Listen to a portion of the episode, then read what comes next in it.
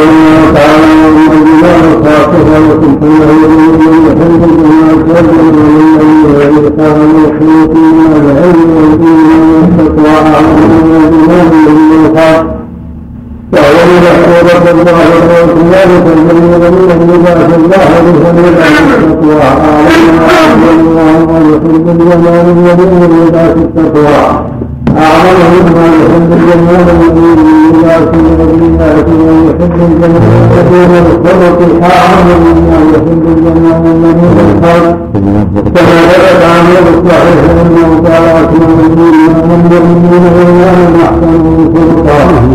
والمعنى إذا كان سبحانه يحب الجمال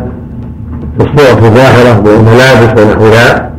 فمحبته للجمال الخلقي المعنوي والأخلاق الفاضلة والصفات الحميدة والأعمال الصالحة أعظم وأكبر. نعم. ولهذا قال عز وجل ولا في التقوى لا نفعهم وقال المسلمين عنه وسلم. قال كانت رسول الله صلى الله عليه وسلم من البر والاثم وقال البر حسن الخلق والإثم ما حاك في نفسك وكرهت أن يطلع عليه وفي السنة وقال أكثر من الله الميزان الخلق الحسن وروي عنه أنه لأم سلمة يا أم سلمة فهذا حسن الخلق الخلق بخير الدنيا والآخرة ومن هذا الحديث صحيح ومن بعيد شأن الجنة فهي حسن خلقا قال صلى الله عليه وسلم ما احبكم الي وقال هم الي يوم القيامه احاسبه الاخلاق حسن خلق له شان عظيم عند الله عز وجل في الدعوه إلى الله توجيه الناس إلى الخير والصبر على اذاهم وإعانتهم على الخير واساتهم ونفعهم إلى غير ذلك. نعم. وما أحب خلقه فإذا كان أحسنهم خلقا كان محبة له أحسنهم خلقا خلق الدين كما قال الله تعالى خلق قال ابن عباس العظيم العظيم وبذلك فسره سفيان بن عيينة وأحمد بن حنبل وغيرهما ثم قدم انه في غيرها والله ولهذا قال تعالى كان خلقه القرآن من معنى البر ومن عمل به والأخذ والأخذ به والعمل الدين نعم من الفواحش ولا يحبها ولا بها كما قال تعالى ان الله لا يامر بالفحشاء فإذا كان الجمال متضمنا لعبد الله وأحب إليه أو يؤمن بما هو أقرب إليه يجب من تسوات ما في الجمال المحبوب فإذا كان في جمال السيئات بطر وفخر يقول وسبحانه لا يحب كل نقصان قال تعالى الذين انفقوا لم يسرفوا ولم يقتروا بل هو يطيع بقال فقيرا فخور اي يختار المسرف وقال ان المسرفين من اصحاب النار وكما قال صلى الله عليه وسلم انظر الله يوم القيامه إلى من جر ايمانه خيرا وبطرا فإن يحمد له خيرا وإن كان فيه الجمال فإنما كذلك في جانب ما يحبه الله من الخير والبطر وكذلك الحليم فيه والفقر والخيار ما يضربه الله إلا في التقوى التي هي محبوب الله كما ثبت في الصحيحين عنه أنه إلا خبيب الحريم وقال لا ينبغي هذا أن المتقين فكذلك سائر ما حرمه الله وكرمه مما فيه الجمال. المقصود هذا انه رحمه الله يريد أن قوله صلى الله عليه وسلم جميع يحب الجمال يعني الجمال الذي ليس فيه ما حرمه الله. جمال مما شرعه الله كاللباس الحسن الجمعه وغيرها والعناية بذات الأوساخ ونحو ذلك. أما إذا كان الجمال يقصد من ورائه الإسراف والتبذير وتعاطي ما حرم الله أو الاستعانة على ما حرم الله. كره من هذا من هذا الجانب. ولم يكن محبوبا. ولم يكن محبوبا إذا كان عونا على طاعة الله أو ليس فيه محذور مما حرم الله. فإذا تعاطى الجمال على وجه يفخر به ويتكبر به على الناس أو على وجه الكافر والتدبير أو على وجه الاستعانة بذلك على معاصي الله وإكراه الكبائر والتعرض للنساء وما اشبه ذلك من الاشياء المنكره صار هذا منكرا وصار ضريرا إلى الله عز وجل نعم نسال الله السلامه وهكذا كل هكذا كل خلق احبه الله وتعالى مما يبغضه الله تعالى مما فيه من محبوبه ولتوفيقه وهو احب اليه وكذلك الصور الجميله من الرجال اذا كان خلقه سيئا فان يكون فيدعه منافقا كان الزوج أو النص بخلقه ودينه مستعينا على ما فيه من الجماعه كما قال تعالى عن المنافقين وإذا رأيتهم تعجبك اجسامهم وقال ومن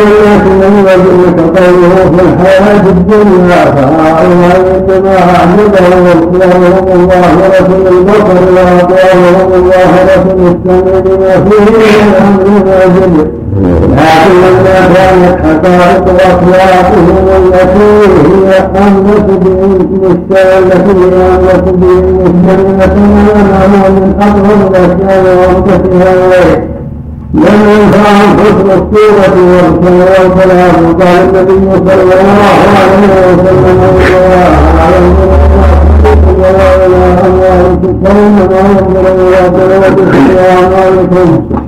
وكذلك المرأة يستهدف إذا كان فاجرا فإن ذلك يخيط حسن الخلق والتقوى التي فإن ذلك يخيط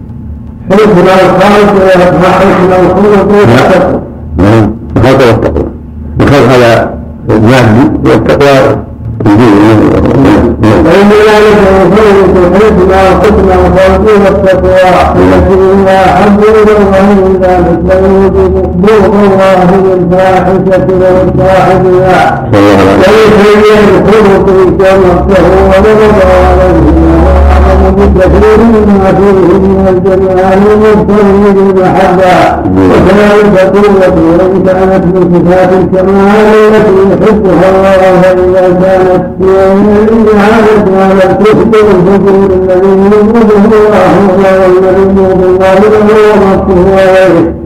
ونفسه وغيره وتفريق وتفريق وتفريق مخالفة لما يحبه من الإيمان والعمل الصالح أعظم بكثير من ما في القوة من هذا المحمود فرجح بأن المؤمن بقدر ذلك فإذا كانت القوة في الإيمان كان الأمر كما قال النبي صلى الله عليه وسلم المؤمن قوي خير وأحب من الله من المؤمن ومن والمقصود عقوبة الخير. قوي المؤمن لا يكون الا هكذا لأن إيمانه يدعوه إلى أن تكون قوته في الخير. في إنكار المنكر في بذل العلم في مواساة الناس. في إزالة الظلم إلى غير ذلك. فإذا كانت قوة تستعمل في الشر فلا خير فيها. مرت صاحبها. وهكذا قوله إن خير من استأجرت القوي الأمين. إذا كانت القوة مع الأمانة أما إذا كانت تخالف الأمانة. وكان غنيا في الباطل صارت قوته غير عليه. وهي مذمومة لأنها نفعت لم تنفعه بل ضرته نسأل الله العافية ان الله يحب الحسنات واهلها ويحب السيئات وامر بها وايجابا وامر استحبابا وكلما حمده واثنى عليه والصفات مثل العلم والإيمان والصدق والعدل والتقوى والإحسان وغير ذلك والمتقين ويحب التواضعين ويحب المتطهرين. ويحب المحسنين والذين يقاتلون في سبيله صفا كانهم بنيان مرصوص ويطلب الكفر وارواحه قلوب والكذب والفواحش ما ظهر منها وما بطن ولا أحد تقول ما حرم المؤمنون فإذا كان أو غيره ففيه محبة الله وطريق من الفواحش ويرسل والظلم ولذلك كما ذكره في قوله إنما حرم ربي الفواحش ما ظهر منها وما بطن والإثم والبغي من الحق وأن تشركوا بالله ما لم يدري سلطان وأن تقولوا على الله ما تعلمون فإن ذلك يسمى بما هو أحب الله من جمال وبجمال واقتلاح ومن بما هو أعظم بكثير مما أعظم بالجمال والحب ويذكر النهي عما يريد هذه الكلمات الكثيرة ويفوت الجمال الأفضل وهو كمال خلق وحسنى ويحيي ذلك من الحسنات وما كان في ذلك من المغفرات وترك المحبوبات راجحا على الحب الذي الجمال وعلى هذا يجب الامر على محبه الانسان بالشيء الجميل والصورة والنظر اليه وما يبدو من قوه الحب والزياده فيه التي تسمى العشق فإنها مثل الأقلام الراجحة مثل أن يحب أن يحب الإنسان امرأته وجاريته حبا وكذبا أو يحب ما فتنة فيه كحبه للجميل من التواب والثياب يحب عوده وأضاره وأضاره ونحو ذلك من محبة الرحم كما يجب الحب من الجمال ويحب الهكذا فهذا حسن أما إذا أحب النساء ما يملك ونحو ذلك فهذا الحب متضمن للمحبة الحيوانية فليس في مجرد محبة لله ومحبة حيوانية مما يطلبه الله مما يطلبه الله وينطقها وتواضعها وتنفيذها على ذلك وقال تعالى محمد كان فاحشة كبرى أو كانت للتمتع بالنار والسماء وغير ذلك فالتمتع مقدمات الوقت فإن كان الوقت حلالا حلت مقدماته وإن كان الوقت حراما حرمت مقدماته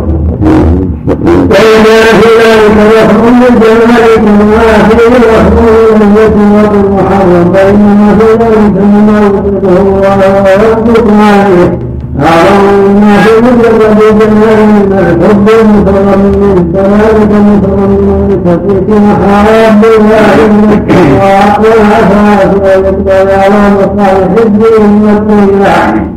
أعلم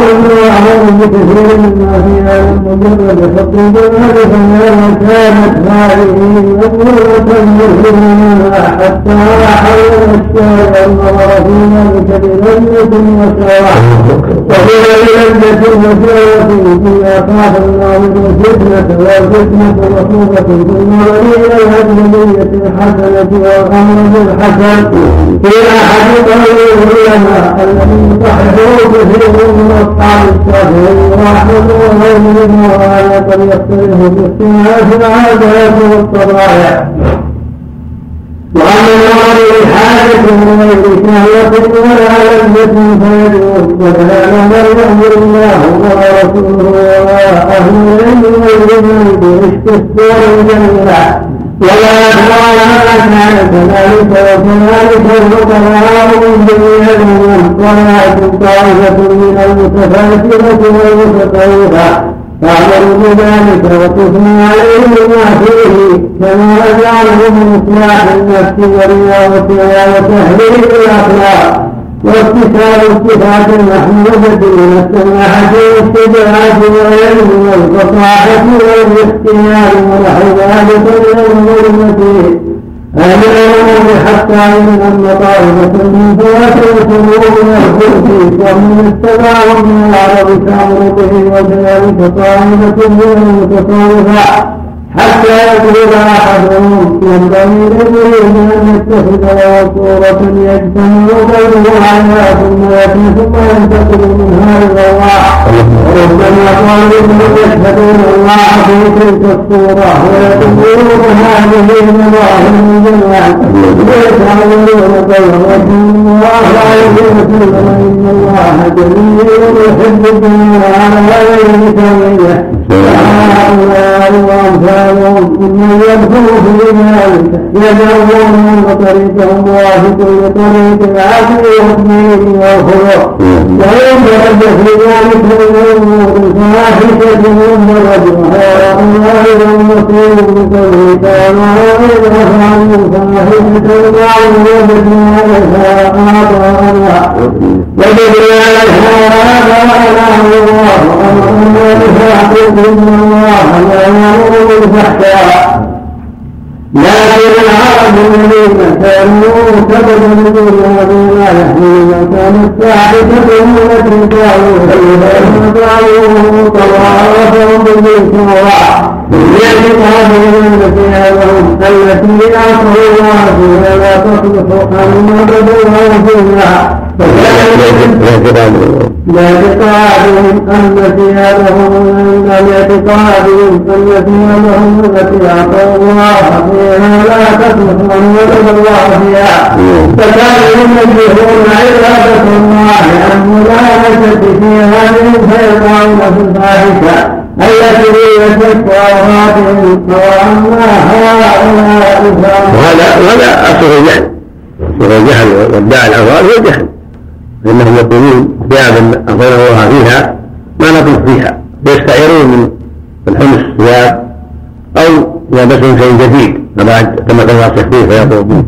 وليس كل واحد عنده ذلك فلهذا يطوفون الأراض حتى النساء. هذا من الجهل والمنكر العظيم الذي يمه الله وعابه وظنه دينا. وهكذا ما وقع للصوفيه عند بعض الصوفية والفاسده من يعشق الصور والتمتع بالصور الجميله من النساء والمردان حتى وقعوا في الفواحش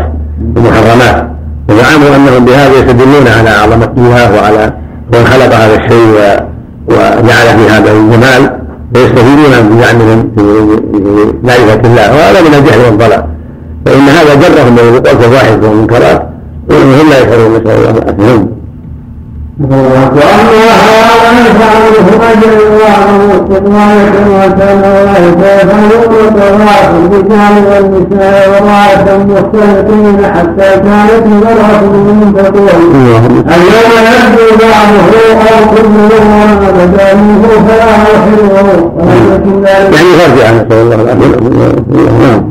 ولم يكن ذلك الاختلاط والاجتماع في عبادة الله وحدها يتأتى بها الفاحشة الكبرى ولم يقصدوا بالسعي إلا التنزها لله بجنود رجال فالذين يتبعون من الرجال والنساء هم ربهم بسماع النساء والتقبيع ويدخلون المصابيح حتى لا يرى احد لهم اخر حتى اجتمعوا على بناء وبناء ومطاعم خبيثه وجعلوا ذلك عباده فهؤلاء كفروا في ذلك النار فان هؤلاء فتحوا ابواب جهنم بل هذا الله ولفت رسول الله صلى الله عليه وسلم ما يدخل الناس النار. فقال ابن فلا كيف من الفقر قال الترمذي حسن. ما أكثر ما ما أكثر ما وسلم ما أكثر. قال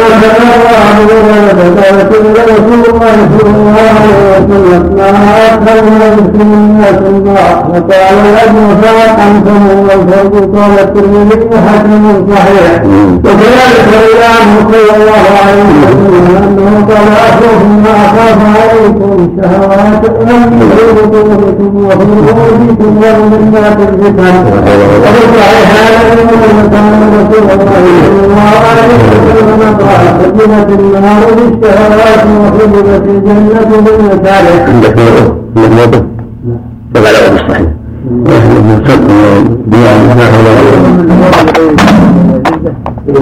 نعم واما النظر بغير شهوه ولا جزء هذا اذا كان في الاسواق والطرقات مع المرجان ما قصد الشهوه ولا الا مرض نظر الحاكيم وليس يلمس شيء ولا يطمن شيء وهكذا نظر إلى العارض وبدل العارض النساء بما قصده والفجأة لا يضره ثم تعمد النظر فهو يكره الشهوة من جهة النساء والمرضعة أما النظر العارض الذي دعت إليه الحاجات من اتخاذه صاحبا وصديقا يتمتع بجماله هذا يكره ما يتشاء. الله إليك ما ذكر من حال الصوفية وجعل هذا عبادة بعد كفر بالله. نعم. لا هي البدعة لأن قال هؤلاء يفر من أولئك لا بدعة من جهة رجعوا في الدين على ذنب ثم تعمد النظر فهو يكره الصوفية نعم لا هي البدعة لا بدعة من جهة رجعوا في الدين على ذنب بسم الله الرحمن الرحيم الحمد لله رب العالمين وصلى الله وسلم على نبينا محمد وعلى اله واصحابه اجمعين قال رحمه الله تعالى وفي الصحيحين عن ابي هريره ان رسول الله صلى الله عليه وسلم قال كذبت النار بالشهوات وحجبت الجنه بالمصالح وفي روايه مسلم قصه كان حجبت فإذا كانت النار محجوبة محفوظة بالشهوات لم يدخل النار إلا بها وإذا كانت الجنة محجوبة ومحفوظة بالمكاره لم يدخل الجنة إلا بها وفي صالح البخاري عن سهل بن سعد رسول الله صلى الله عليه وسلم قال إلا من يمين بين لحظه وما بين الليل أمن الله الجنة وما بين لحظه يتناول الكلام والطعام كما ثبت الصالحين من ابي هريره وابي شريح الخزاعي ان رسول الله صلى الله عليه وسلم قال من كان بالله واليوم الآخر فليكن خيرا وليكن لم صلى الله عليه وسلم انه ضمن له هذين ضمن له الجنه ولا يستطيع من هذين يدخل النار وهذا يبين خطر اللسان. خطر القرض خطر المآكل والمشارب ولهذا في هذا الحديث صلى الله عليه وسلم من يضمن لي ما بين اللحيين وهو من يريد من له جنة ونعم الله عز وجل لأنه رسول الله. هذا يدل على خطر خطر. ما بين اللحيين وهو اللسان وهكذا الفم وإن دخل الطعام والشراب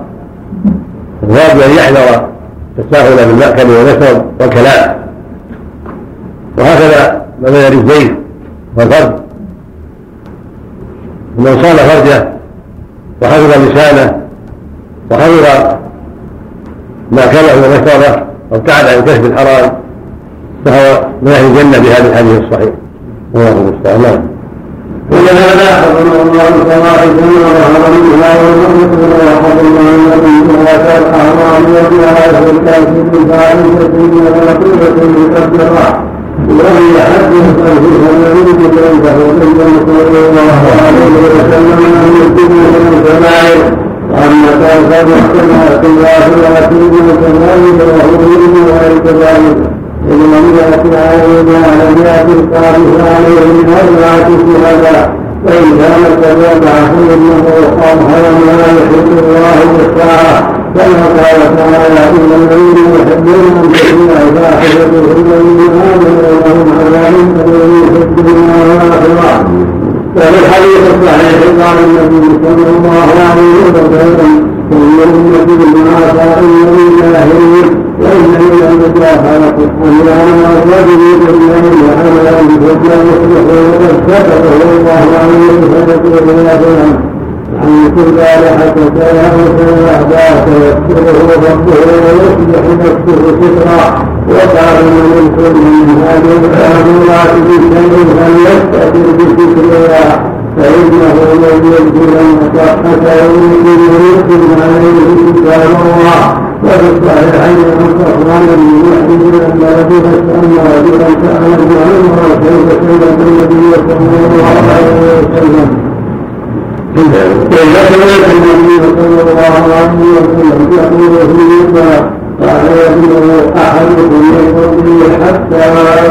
سنه الغيب فيقول امين كذا ويقول فيقول نعم فيقول امين كذا وكذا فيقول نعم تهديد والجن يأتيه فتركها عنه لو أن أرسلها لكبير ولهذا يكتب لكم في هذه هذه من ذلك فمن الناس الذي كان بالفاحشة فإن كان ممسكا عن الكلام ومن الناس الذي كان الكلام وليس كان وجهه بلسانه كان حديثا عن الفاحشة فاحشة وأيضا فإن من الكلام المنهي الخوف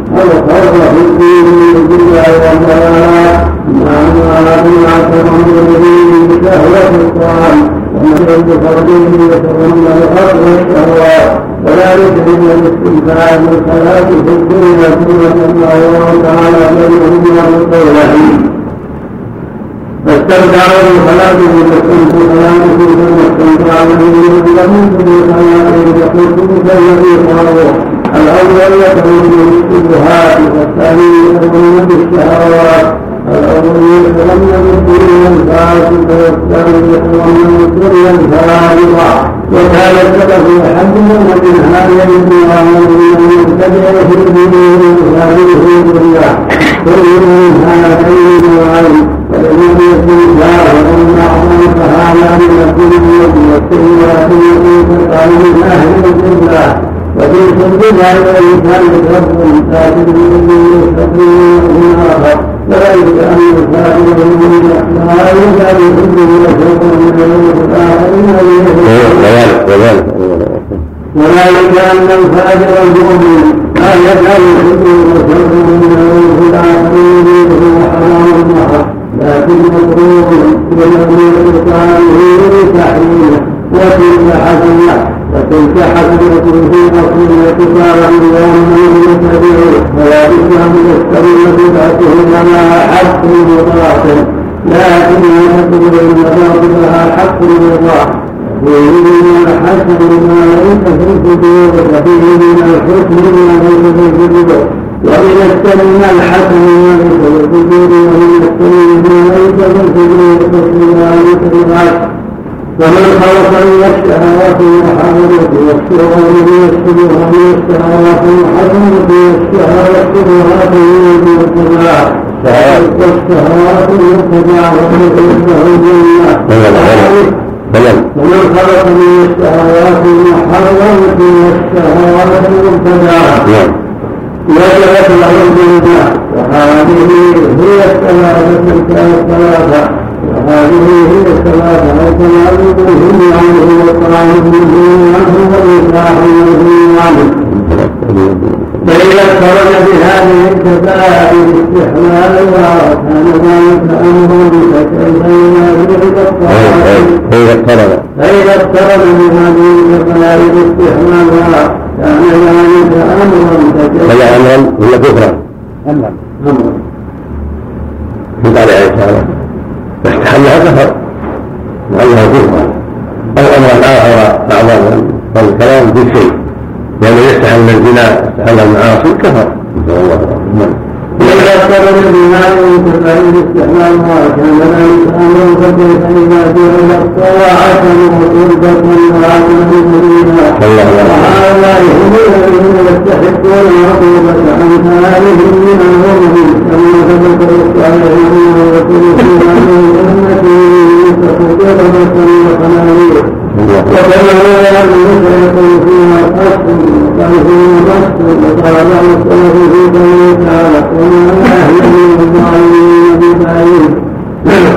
أي الظالم هذه الأمة وفي ذلك من الأحاديث ما يدرك هذا المعنى مثله وهي أن مثله يذكر استحماله منها وأصل الله والغيب من هؤلاء الذين يستحسنون غير يستحسنون التقوى تقله ويأمر به فيقيم على ذلك بنفسه أن المحبة هي أصل كل حركة في العالم من نفسه ولم يكن فيها حركة ولا هي قضية هوية ومرادة حتى تحصل لها محبة جديدة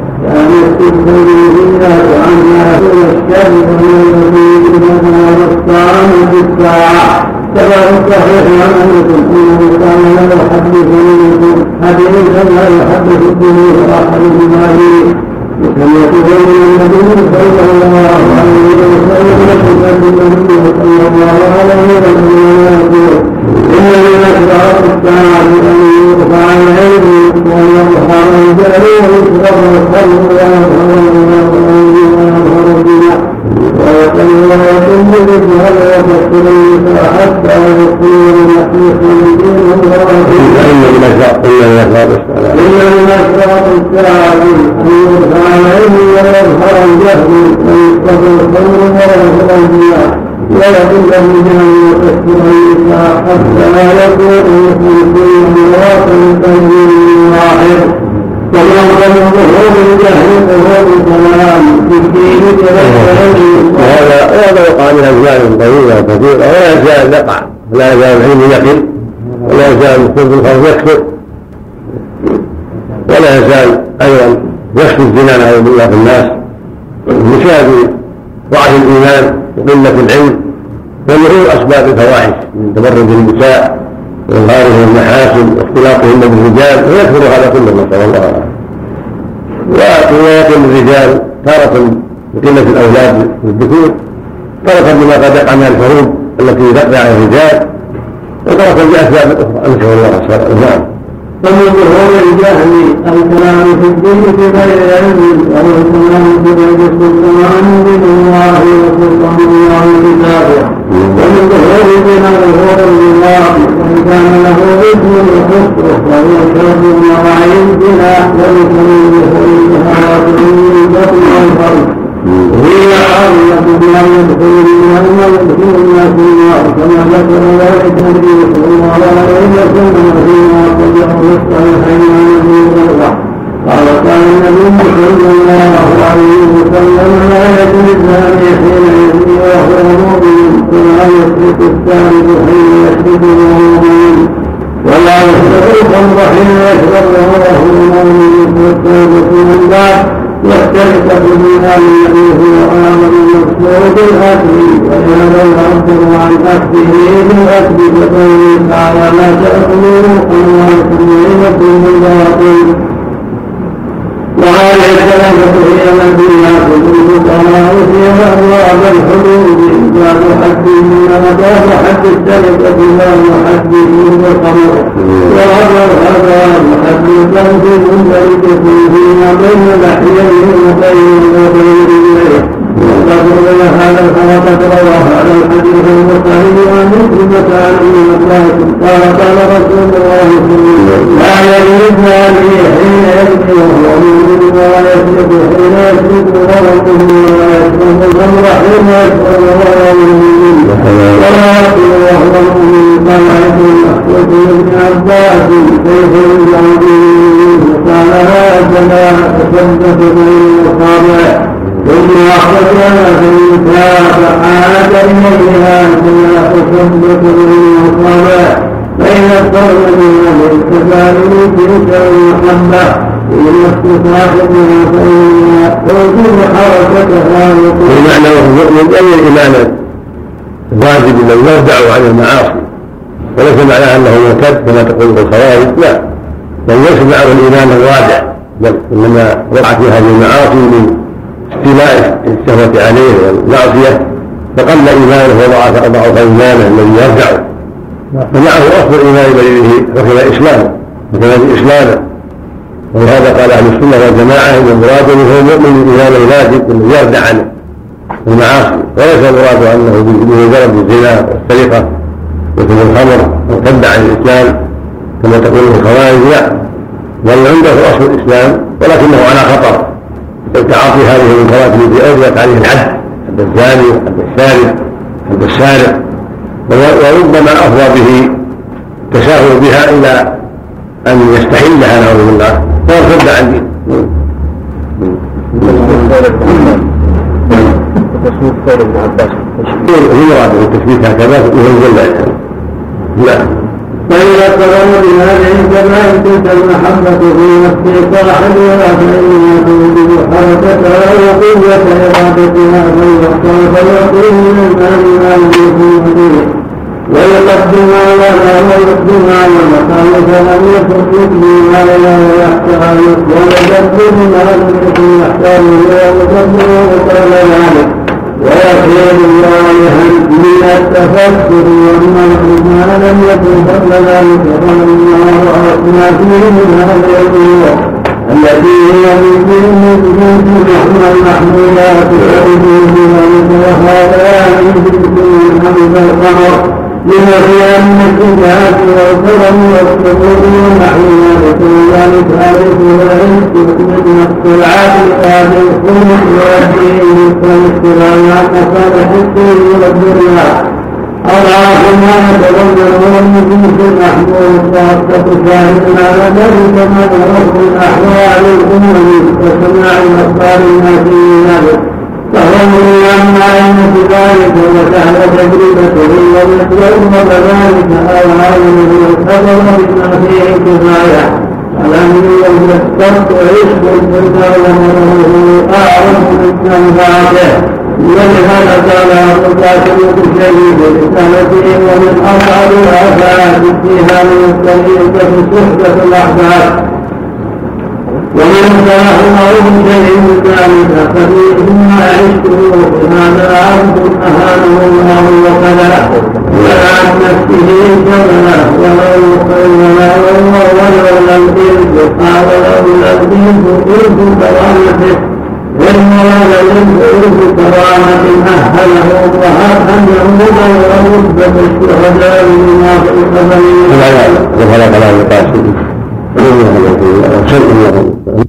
بسم الله. الحمد لله والصلاة والسلام على رسول الله. أما بعد فهذه نهاية حلقة الثامن عشر من شهر شعبان لعام سبعة وأربعمائة وألف. وهي آخر حلقة قرئ فيها من كتاب الاستقامة لشيخ الإسلام ابن تيمية رحمه الله تعالى ضمن دروس عام سبعة وأربعمائة وألف. ومع نهايتها وصلنا إلى صفحة تسع وخمسين وأربعمائة من المجلد الأول وبقي في الكتاب إلى صفحة تسع وستين وأربعمائة وهو آخره. وتأتي هذه الصفحات إلى آخر المجلد الأول من الاستقامة في أول حلقة من دروس عام ثمانية وأربعمائة وألف قرئ فيها من هذا السفر الجليل وكانت بتاريخ الرابع والعشرين من شهر الله المحرم الحرام لنفس العام ثمانية وأربعمائة وألف.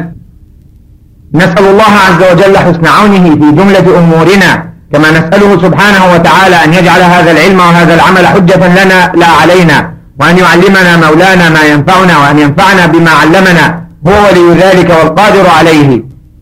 يتم تسجيل هذه الحلقات وترتيبها وتنسيقها في مكة المكرمة في آخر شهر الله المحرم الحرام لعام عشرة وأربعمائة وألف من هجرة الصادق المعصوم عليه أفضل الصلاة وأتم التسليم. مع تحيات وخالص دعوات أبي أحمد محمد بن رفيق العجمي مسجله ومعده ومرتبه وجامعه.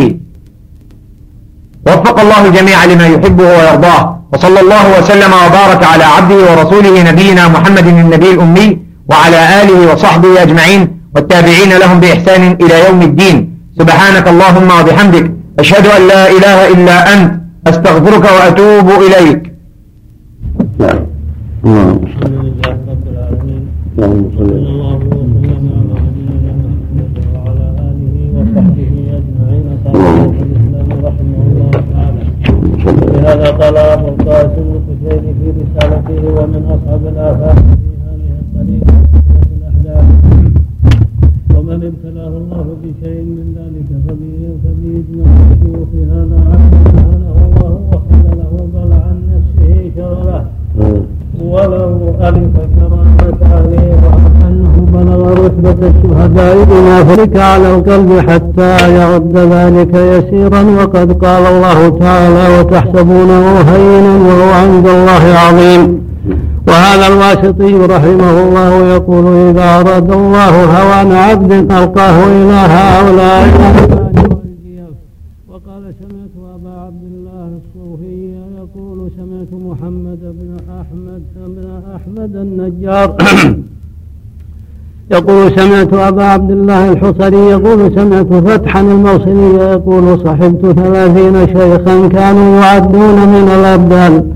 فكلهم أوصاني عند فراقي إياهم وقالوا اتقي معاشرة الأحداث ومخالطتهم ومن ارتقى في هذا الباب عن حال الفسق وأشار إلى أن ذلك من بلايا الأرواح وأنه لا يضر فما قالوه من وساوس القائلين بالسماع وإيراد حكايات عن بعض الشيوخ. كان الأولى بهم إسبال الستر على إهالة هماتهم ووفاتهم وذلك نظير الشرك وقرين الكفر. فليحذر المريد من مجالسة الأحداث ومخالطتهم فإن اليسير منه فتح باب الخذلان وبدء حال الهجران. ونعوذ بالله من قضاء السوء وهنا أصل عظيم نافع يجب اعتباره. مراد بالاحداث الشباب والولدان فإنه فتنة. فتنة النساء وأعظم نسأل الله العافية. وهنا أصل عظيم نافع يجب اعتباره وهو أن الأمور المذمومة في الشريعة كما ذكرناه هو ما ترجح فساده على صلاحه كما أن الأمور المحمودة ما ترجح صلاحه على فساده. فالحسنات تغلب فيها المصالح والسيئات تغلب فيها المفاسد والحسنات درجات بعضها فوق بعض والسيئات بعضها أكبر من بعض فكما أن أهل الحسنات ينقسمون إلى الأبرار المقتصدين والسابقين المقربين فأهل السيئات ينقسمون إلى الفجار الظالمين والكفار المكذبين وكل من هؤلاء هم درجات عند الله. ومن المعلوم أن الحسنات كلما كانت أعظم كان صاحبها أفضل. فإذا انتقل الرجل من حسنة إلى أحسن منها كان في مزيد التقريب. وإن انتقل إلى ما هو دونها كان في التأخر والرجوع وكذلك السيئات كلما كانت أعظم كان صاحبها أولى بالغضب واللعنة والعقاب.